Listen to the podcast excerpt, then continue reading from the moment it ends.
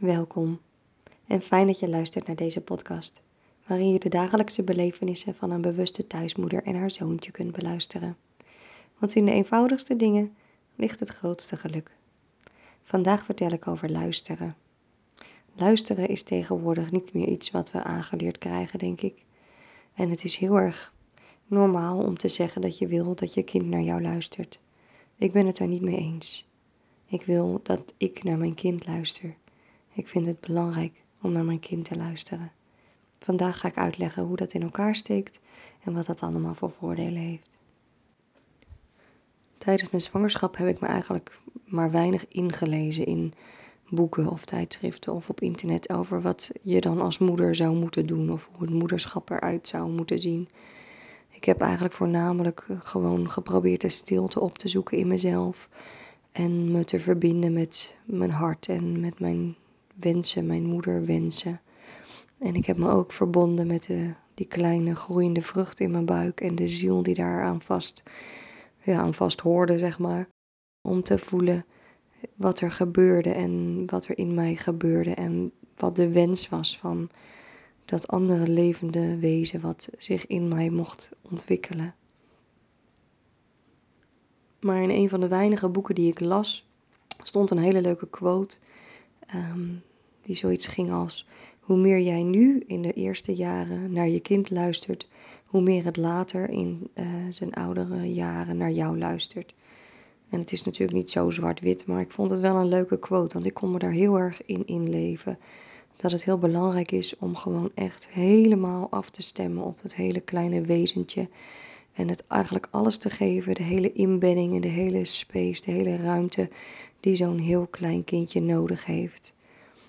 Um, dus ja, toen Wies eenmaal geboren was en eigenlijk ook al in mijn zwangerschap, heb ik dat geprobeerd om hem helemaal de space, de ruimte, de, de bedding te geven die er voor hem nodig was om hem daarin te dragen. Ja, en hoe ziet dat er dan eigenlijk uit? Met Wies bijvoorbeeld, toen hij echt net geboren was en echt in zijn babytijd, heb ik hem eigenlijk constant bij me gedragen, gewoon in de draagdoek omdat ik daarmee op de beste manier contact met hem kon hebben. En gewoon heel erg goed kon voelen wat er voor hem nodig was. En hij sliep bijvoorbeeld ook op mijn buik. Zeker de eerste maanden, ik weet niet hoe lang. En uh, ja, hij was gewoon echt, echt helemaal één met mij nog steeds. En het meest bijzondere daarvan was denk ik dat doordat hij zo dicht bij mij was altijd, dat het voor mij eigenlijk als vanzelf ging om zijn behoeften voorop te stellen. Natuurlijk heb ik ook behoeftes en slaap was er daar zeker één van. Maar ik, uh, ik merkte dat het, uh, doordat we zo in, in een harmonie waren samen, dat het heel erg makkelijk was voor mij om uh, naar hem te schikken. En ja, juist doordat we zo, de, ook nu nog steeds, hij is nu meer dan 2,5, ja, zijn, we zijn gewoon heel erg in harmonie, waardoor het gewoon makkelijk is om me naar hem te blijven schikken. Wat ik nu op social media bijvoorbeeld heel erg zie, is een soort trend van um, ja, dat je als moeder ook mag zeggen dat je het zwaar vindt en dat het moederschap zwaar is. En dat is natuurlijk absoluut waar. Ik bedoel, ik zeg niet dat het makkelijk is. Maar uh, er wordt heel veel nadruk gelegd op wat de moeder voor behoeften heeft. En uh, alsof dat in, in strijd zou zijn met de behoeften van het kind. En zelf ervaar ik dat helemaal niet zo. Ik ervaar niet dat mijn behoeftes uh, lijnrecht tegenover die van Wies staan. En hoe meer ik met hem in verbinding ben en hoe meer ik eigenlijk buig voor wat hij nodig heeft. Uh, en hoe meer ik luister naar hem, niet alleen met mijn oren natuurlijk, maar ook juist met mijn hart. Dat ik het zo makkelijk vind om, ja, eigenlijk mijn behoeftes gewoon helemaal niet eens te ervaren. Want mijn behoeftes zijn niet anders dan die van hem. Um, en dan hebben we het bijvoorbeeld over slapen en eten, laten we wel wezen. Dat, heb ik, dat zijn echt wel mijn basisbehoeftes. Dat zei mijn zus vandaag nog. Van ja, als jij zagrijnig bent, dan heb je of eet of slaap nodig. nou, dat is echt wel zo. Uh, en toch kan ik, uh, kan ik ook die behoeften veel makkelijker dragen als ik gewoon met Wies ben. Uh, en ik heb honger of ik ben moe. als ik met hem samen ben, ik ben altijd met hem samen, maar ik bedoel te zeggen, als ik me uh, naar hem schik en hem echt uh, mezelf ondergeschikt stel aan hem, dan draag ik dat veel makkelijker. Dan heb ik veel minder last van het feit dat ik bijvoorbeeld hongerig ben, waardoor ik dan eigenlijk vroeger altijd heel zagrijnig zou zijn. Met Wies heb ik daar dus niet zo'n last van, omdat ik me gewoon voel Van ja, ik wil geven wat jij nodig hebt en jouw belang komt nu voorop en mijn belang komt daarna. Mijn moeder is ehm, al die tijd eigenlijk heel nauw betrokken geweest bij, bij Wies en bij mij en Wies.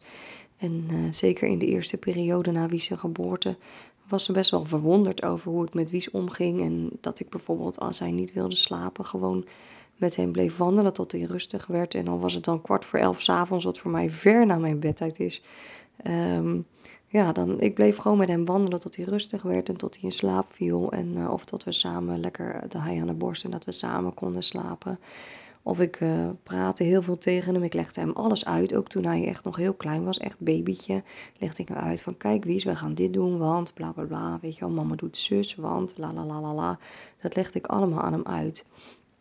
En in het begin vond mijn moeder dat echt wel een beetje overdreven allemaal. En dan zei ze ook, nou, dat heb ik bij jou echt niet gedaan hoor. Ik uh, praat niet tegen jou hoor. Nee hoor, ik legde jou gewoon in bed hoor, weet je wel. En dan zei ik, ja, maar mam, ik uh, voel dat dat belangrijk is. En toen, uh, na een jaar of zo, toen hij een jaar of anderhalf jaar was, toen zei mijn moeder, ja, nou begin ik wel te begrijpen waarom je dat deed. Waarom je dat allemaal uitlegde en waarom je hem zo in die zin zo ja, tegemoet kwam eigenlijk. Want ze begon daar wel de voordelen van in te zien. Ze begon te zien dat Wies uh, ja, gewoon echt senang is. Dat hij heel erg harmonieus is in zichzelf. Heel blij. Hij is gewoon altijd blij. Ja, hij kan gewoon echt zijn wie hij is.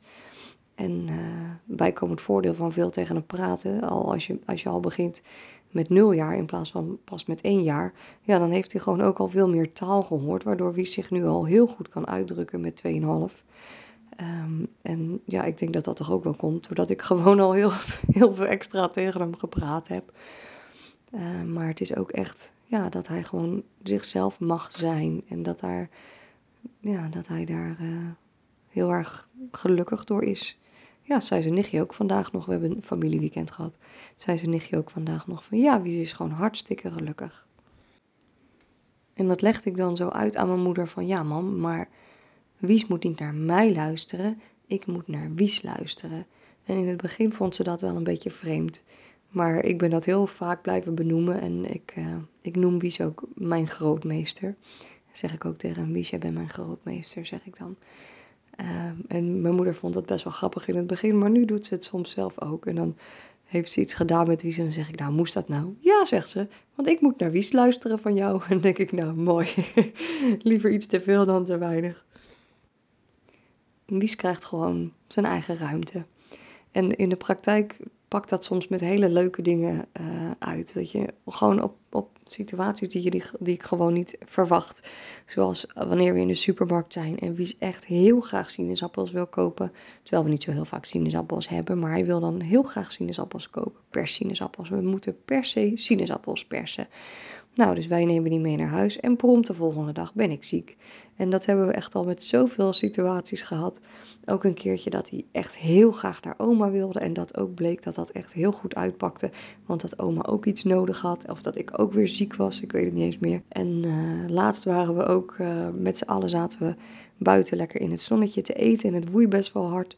En wie zegt, ik ga naar binnen. En hij staat op en wij kijken zo aan van, nou, weet je, wat ga jij nu doen? En prompt twee seconden later valt de parasol om. ja, nou ja, dan denken we, oké Wies, goede intuïtie. Ik probeer Wies altijd zijn eigen ruimte te geven. Ik noem het zelf de weg van de, van de minste weerstand. Want ja, ik geloof echt dat dat het allerbeste werkt. Niet alleen trouwens met kinderen, maar ook met volwassenen. Waarom zou je constant die weerstand aangaan? Daar heb ik helemaal geen zin in. En het werkt gewoon, ja, het werkt gewoon fijn, weet je. Als Wies naar de supermarkt gaat met mij en hij wil per se iets heel onhandigs meenemen. Nou ja, dan neem je dat maar lekker mee, jongen. Doe je het in je rugzak. Gaan we er gewoon met de supermarkt, door de supermarkt met dat ding in je rugzak. Ik vind prima, wat maakt het ook uit? Maar soms ben ik natuurlijk ook niet helemaal op hem afgestemd. Want ik ben soms ook gewoon moe of in gedachten of bezig met iets anders. En Wies kan gelukkig heel goed aangeven dat hij het er dan niet mee eens is. Ik wil niet zeggen dat hij heel erg lijdt aan het syndroom van ik ben twee en ik zeg nee. Ik denk dat hij daar heel weinig last van heeft. En ik dus ook. Maar soms, ja, weet je, hoor ik hem toch gewoon niet zo goed. En dan geeft hij gelukkig wel heel duidelijk aan dat hij het belangrijk vindt. En dan eh, zeg ik ook altijd van, oh sorry lieve Wies, ik wist niet dat je het zo belangrijk vond. En dan vraag ik hem alsnog, wat heb je nodig? Wat wil je van mama? Waar heb je behoefte aan? Dat soort vragen stel ik hem zoveel mogelijk. En daar kan hij heel goed op reageren. En soms is dat iets heel erg anders dan wat er op dat moment nodig is. Tenminste, wat er op dat moment handig is. Maar ja, we kunnen daar toch wel heel makkelijk een middenweg in vinden, merk ik. Dat we gewoon samen tot een oplossing komen of een compromis waarin hij zich gehoord voelt en waarin we ook door kunnen met wat er nodig is. Bijvoorbeeld het aan tafel gaan of uh, eten koken of naar bed gaan. Weet je, dat zijn gewoon dingen die toch wel handig zijn om uh, in een ritme te houden. Uh, maar daarbinnen is zoveel ruimte en zoveel mogelijk voor hem om zijn eigen behoeftes en zijn eigen wensen in te kunnen eh, uitvoeren gewoon. Weet je, dat is gewoon zo belangrijk, al die inspraak. Maar goed, soms moet er gewoon iets gebeuren of is er iets gewoon handig wat uitgevoerd moet worden. Zoals vandaag wilde Wies per se midden op de dag ineens in bad, terwijl we lekker buiten in de zon zaten. Nou ja, dan heb ik echt geen zin om met hem in bad te gaan midden op de dag. Dus in die zin probeer ik hem dan ook wel mee te begeleiden in ja, wat, ik, wat ik wil, zeg maar. En ik heb gemerkt dat wat daarin verreweg het allerhandigste werkt, is hem gewoon afleiden. Niet de focus richten op het nee, nee, nee, nee, nee. Nee, ik wil niet in bad. Nee, ik wil niet in bad. Nee, ik wil niet in bad. Hoe meer je daar die aandacht aan geeft, hoe meer er conflict komt en hoe ja, ongelukkiger we allebei worden. Maar in plaats daarvan richt ik mijn aandacht naar Kom, we gaan lekker naar buiten. De zandbak is buiten. Je kan met het water spelen. Zullen we lekker met je modderkeukentje spelen? Dat soort dingen. En dan merk ik dat zijn gedachte weer verandert van ja, dat beeld van ik ga in bad naar het beeld, oh ik ga lekker buiten in mijn modderkeukentje. En op die manier krijg ik hem dan vaak wel heel makkelijk mee in iets waar, waar hij in eerste instantie helemaal geen zin in had. Of waar hij heel erg een andere gedachte over had. Dus ja, dat, ik denk dat dat ook echt een van de dingen is waarin ik wel dan toch mijn eigen zin doorduw, om het maar even zo te zeggen.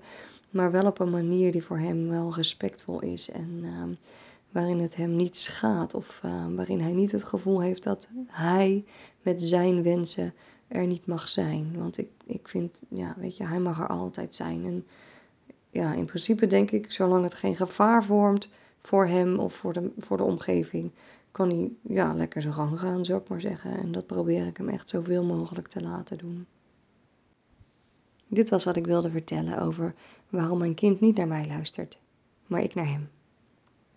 Dankjewel voor het luisteren van deze podcast.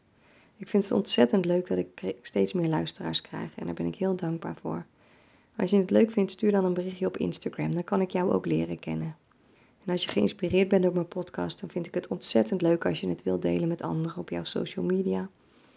En op mijn website bewustbijmijnkind.nl kun je, kun je nog meer inspiratie vinden en mijn aanbod. Ik wens je een mooie dag of een fijne nacht.